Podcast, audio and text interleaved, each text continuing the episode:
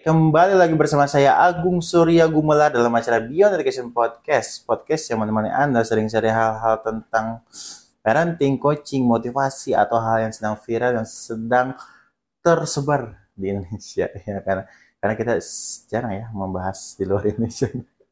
Nanti kita kawan-kawan bahas lah yang di luar negeri gitu. Tapi kan kita cinta Indonesia, makanya kita selalu bahas tentang hal topik-topik yang terpanas di Indonesia. Dan juga kita juga selalu upload dua hari sekali. Silakan langsung cek saja di link deskripsi. Link deskripsi sudah disediakan semuanya untuk bertanya ada linknya, untuk membaca artikel ada, untuk gabung ke WhatsApp atau Telegramnya juga ada. Silakan langsung saja diakses sepuasnya di link deskripsi semuanya. Dan juga kita hadir di Spotify. Ya, Spotify dengan kata kunci Beyond Education Podcast. Silakan dengarkan langsung di sana. Episodenya ya sedikit terlambat di YouTube. YouTube duluan baru Spotify gitu kan. di upload gitu. Oke. Okay. Baik. Pada sore hari ini bersama dengan Pak Doni. Halo teman-teman semuanya, gimana go? Kondisi warga Indonesia sedang memanas nih Pak. Kenapa nih? Biasalah berita-berita uh, tentang dunia politik di Indonesia sudah mulai ber datangan. Oh gitu. Iya, biasa itu biasa. Capres, capres. Ah, capres. Cebong kampret. Iya, kampret. Di zaman dulu, Pak. Iya, iya. Sekarang udah beda Oh, lagi. udah beda. Dulu, iya. Udah akur. Nah, jadi sekarang itu masyarakat Indonesia sedang ya biasa lah ya, karena sebut sebut lagi pesta ini ya, pesta rakyat gitu ya. Hmm, hmm. Politik di 2024, tapi rasanya 2023 ini sudah mulai panas nih, Pak. Iya. Nah, Nah, kita kan jadi bingung nih Benar benar benar. sebagai masyarakat Indonesia milih yang mana sih, Pak? Saya juga bingung. Di sini mungkin kita akan bahas kali ya eh, bagaimana Iya, maksudnya iya, iya. pandangan kita tentang pemimpin yang baik itu seperti apa, iya misalnya iya. cara berdemokrasi yang baik itu seperti apa. Eh, begitu aja sih Pak, biar, biar benar, aman gitu maksudnya. Benar benar benar benar. Pak. Biar nggak kena undang-undang apa ITE. Iya, iya. Itunya aja lah gitu. Iya iya. Ibu yang lain-lain. Ya, jadi menarik nih Gung. Iya. Semakin dekat ke pemilu ya, biasa biasanya suasana semakin memanas nih. Banyak orang udah kubu-kubuan. Nah, iya betul. Ah, Keluarga juga biasanya. keluarga, apalagi kalau keluarga ya. Jadinya malah nggak akur lagi satu dengan yang lain. Iya, saya pernah lihat tuh kayak gitu. Ah, ah, ya kayak zaman tahun berapa tuh 2019 ya? Iya, 2019 itu terakhir. Ah, pas cebong kampret tuh. Iya.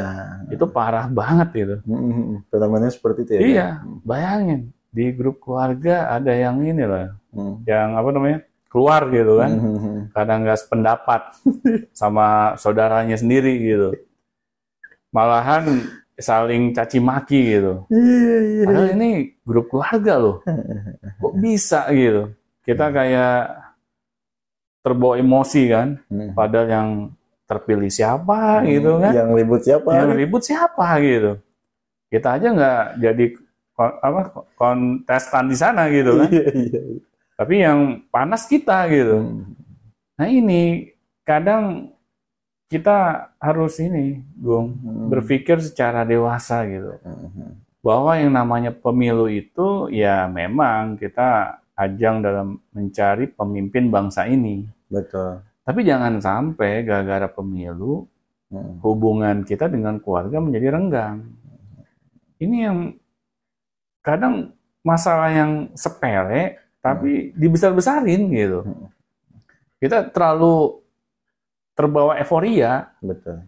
padahal kan ya biasa aja kali Iya, gitu kan. gitu. Ah, ya siapa pun pemimpinnya, apakah Hmm. bisa merubah gitu ya Hmm. kehidupan segala lapisan masyarakat? Iya, iya. betul. Kan enggak juga. Hmm.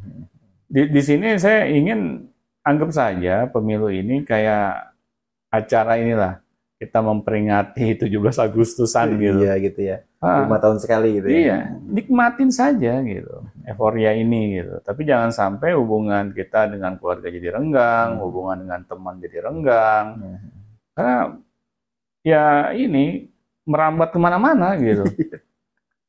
Banyak yang sudah terjadi Pak sekarang udah mulai eh, saling singgung. iya, Sudah mulai menyebarkan berita-berita hoax benar, tentang yang benar, tidak benar, disuka gitu benar, kan. benar, benar. Jadi emang eh, sikap kita ini dalam memilih eh, dalam menghadapi pemilu ini sebenarnya harus seperti apa Pak gitu. Ya biasa aja. Hmm, santai aja gitu santai ya. aja Hmm. gitu. Kecuali kita salah satu Kontestan. kontestan, kita ribut. ya kan? ya pasti kita maunya menang gitu. Iya.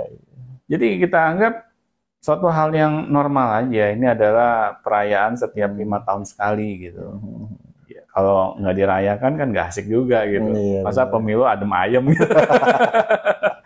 ya kan? Lewat ini Google Google Sheet tahu gak apa? Iya. Google Doc. Ya kasihan dong yang punya apa Hajat. namanya hajat mencari rezeki pas pemilu gitu kan. Iya, iya. Kayak teman saya tuh dia punya usaha bikin kaos. Nah, Kan pas momen-momen pemilu ini panen dia. Banyak yang beli gitu kan. Iya. Untuk apa namanya caleg-caleg tuh. Iya. Jadi ya biasa aja. Nah, Anggap aja ini suatu perayaan. betul. Kalau kita menganggapnya hal yang biasa, Hmm. insya Allah kita nggak terbawa emosi. Hmm. Kita bisa berpikir dengan jernih gitu. Iya. Kita bisa memilih pemimpin yang benar-benar kita anggap dia seorang pemimpin yang terbaik di antara kontestan yang lain. Hmm. Tapi kalau kita terlalu terbawa emosi, ya akhirnya sulit gitu. Kita bisa berpikir secara jernih. Akhirnya kita membela mati-matian kontestan yang kita anggap benar, tapi belum tentu benar juga gitu. Hmm. Di sinilah sulitnya gitu, Hmm. mencari pemimpin di Indonesia.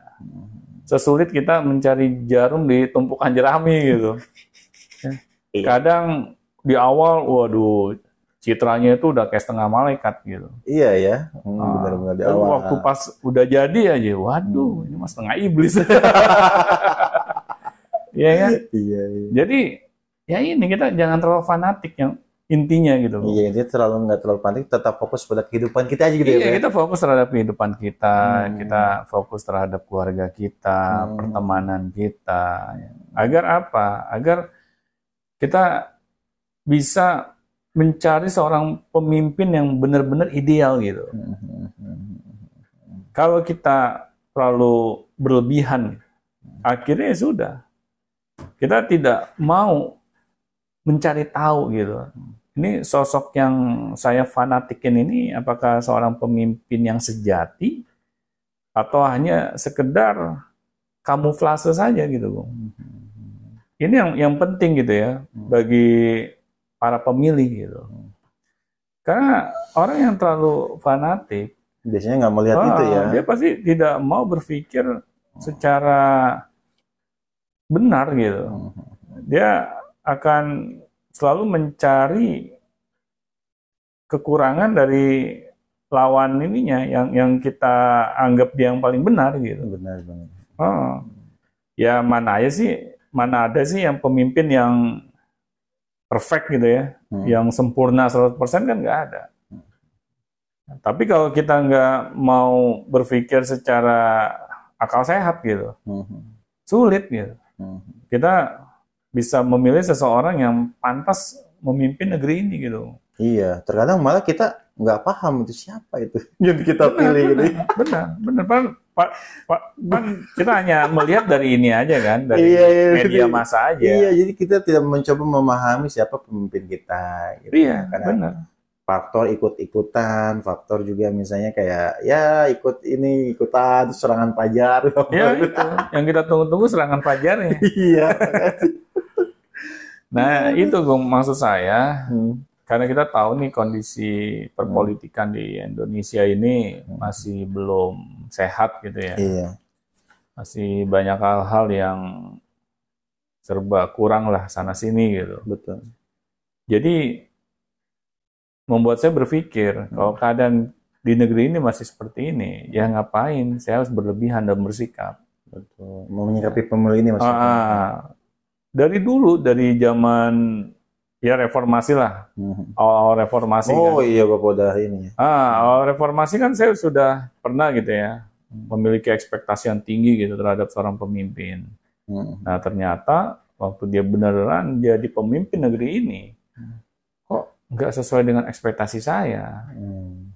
Malah lebih buruk gitu. Harga barang jadi jadi pada naik nggak jelas juntrungannya. Terus harga dolar juga malah semakin ini meningkat, menguat, rupiah semakin merosot Hmm. gitu kan. Jadi nggak sesuai dengan bayangan saya di awal gitu. ini saya pikir sosok seorang pemimpin yang ideal, pas Hmm. dia mimpin kok malahan di luar bayangan saya sama sekali gitu. Hmm.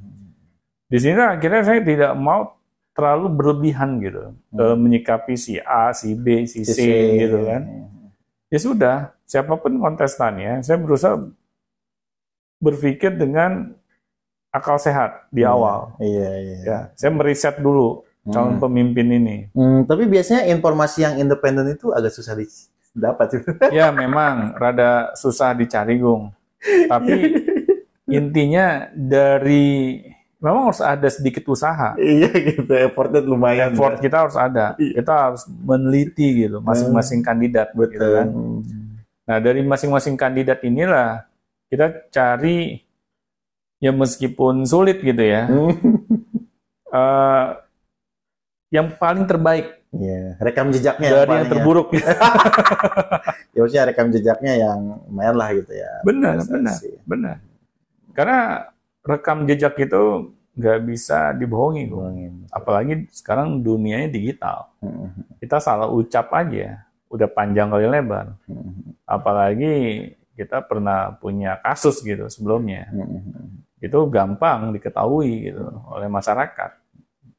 Nah kalau sudah seperti itu, ya kita tinggal cari aja nih yang dosanya paling sedikit yang mana.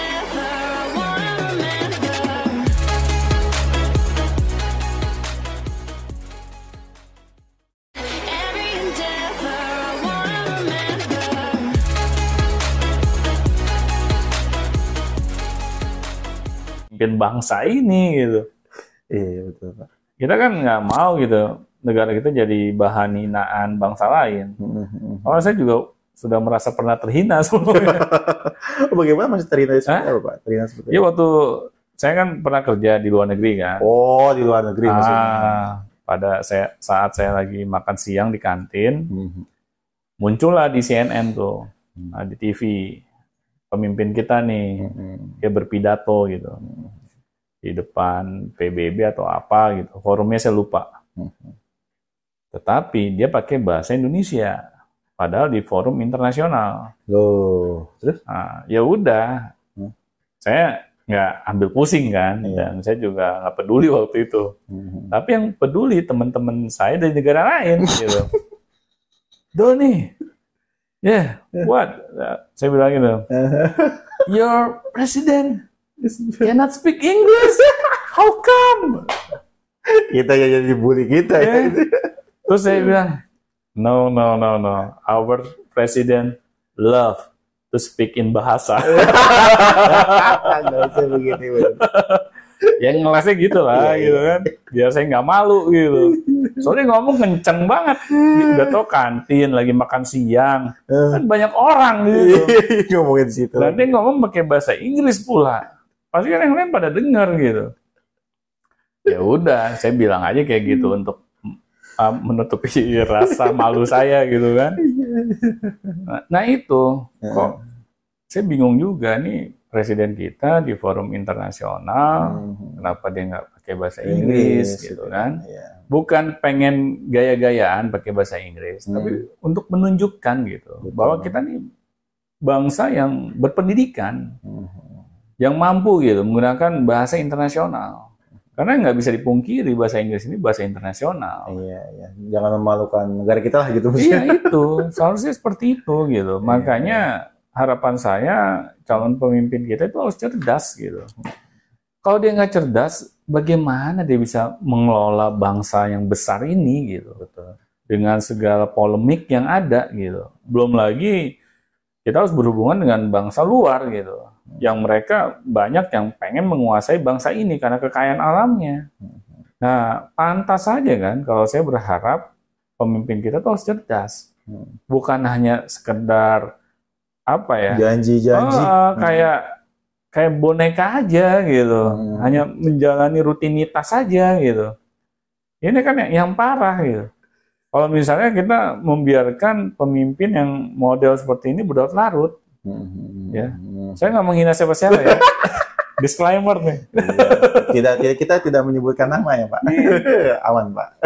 Nah itu, nah maksud saya kalau bangsa ini mau maju, ya mau nggak mau, Hmm. kita harus mencari pemimpin yang cerdas. Hmm. Tapi bukan hanya cerdas intelektualitasnya ya, Iya.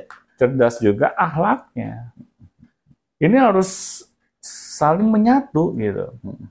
Kalau enggak, waduh, sulit gitu. Negara kita ini bisa keluar dari kemiskinan, Hmm. bisa keluar dari kebodohan.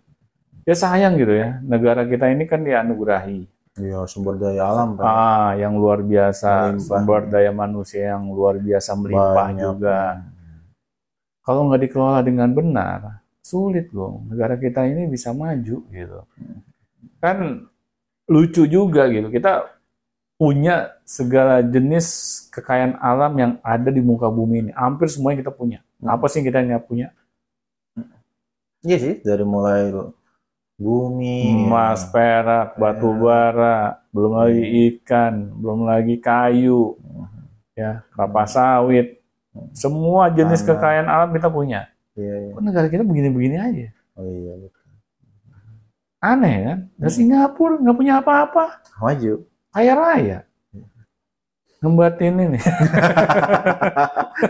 Distrik nyalok di Kalimantan.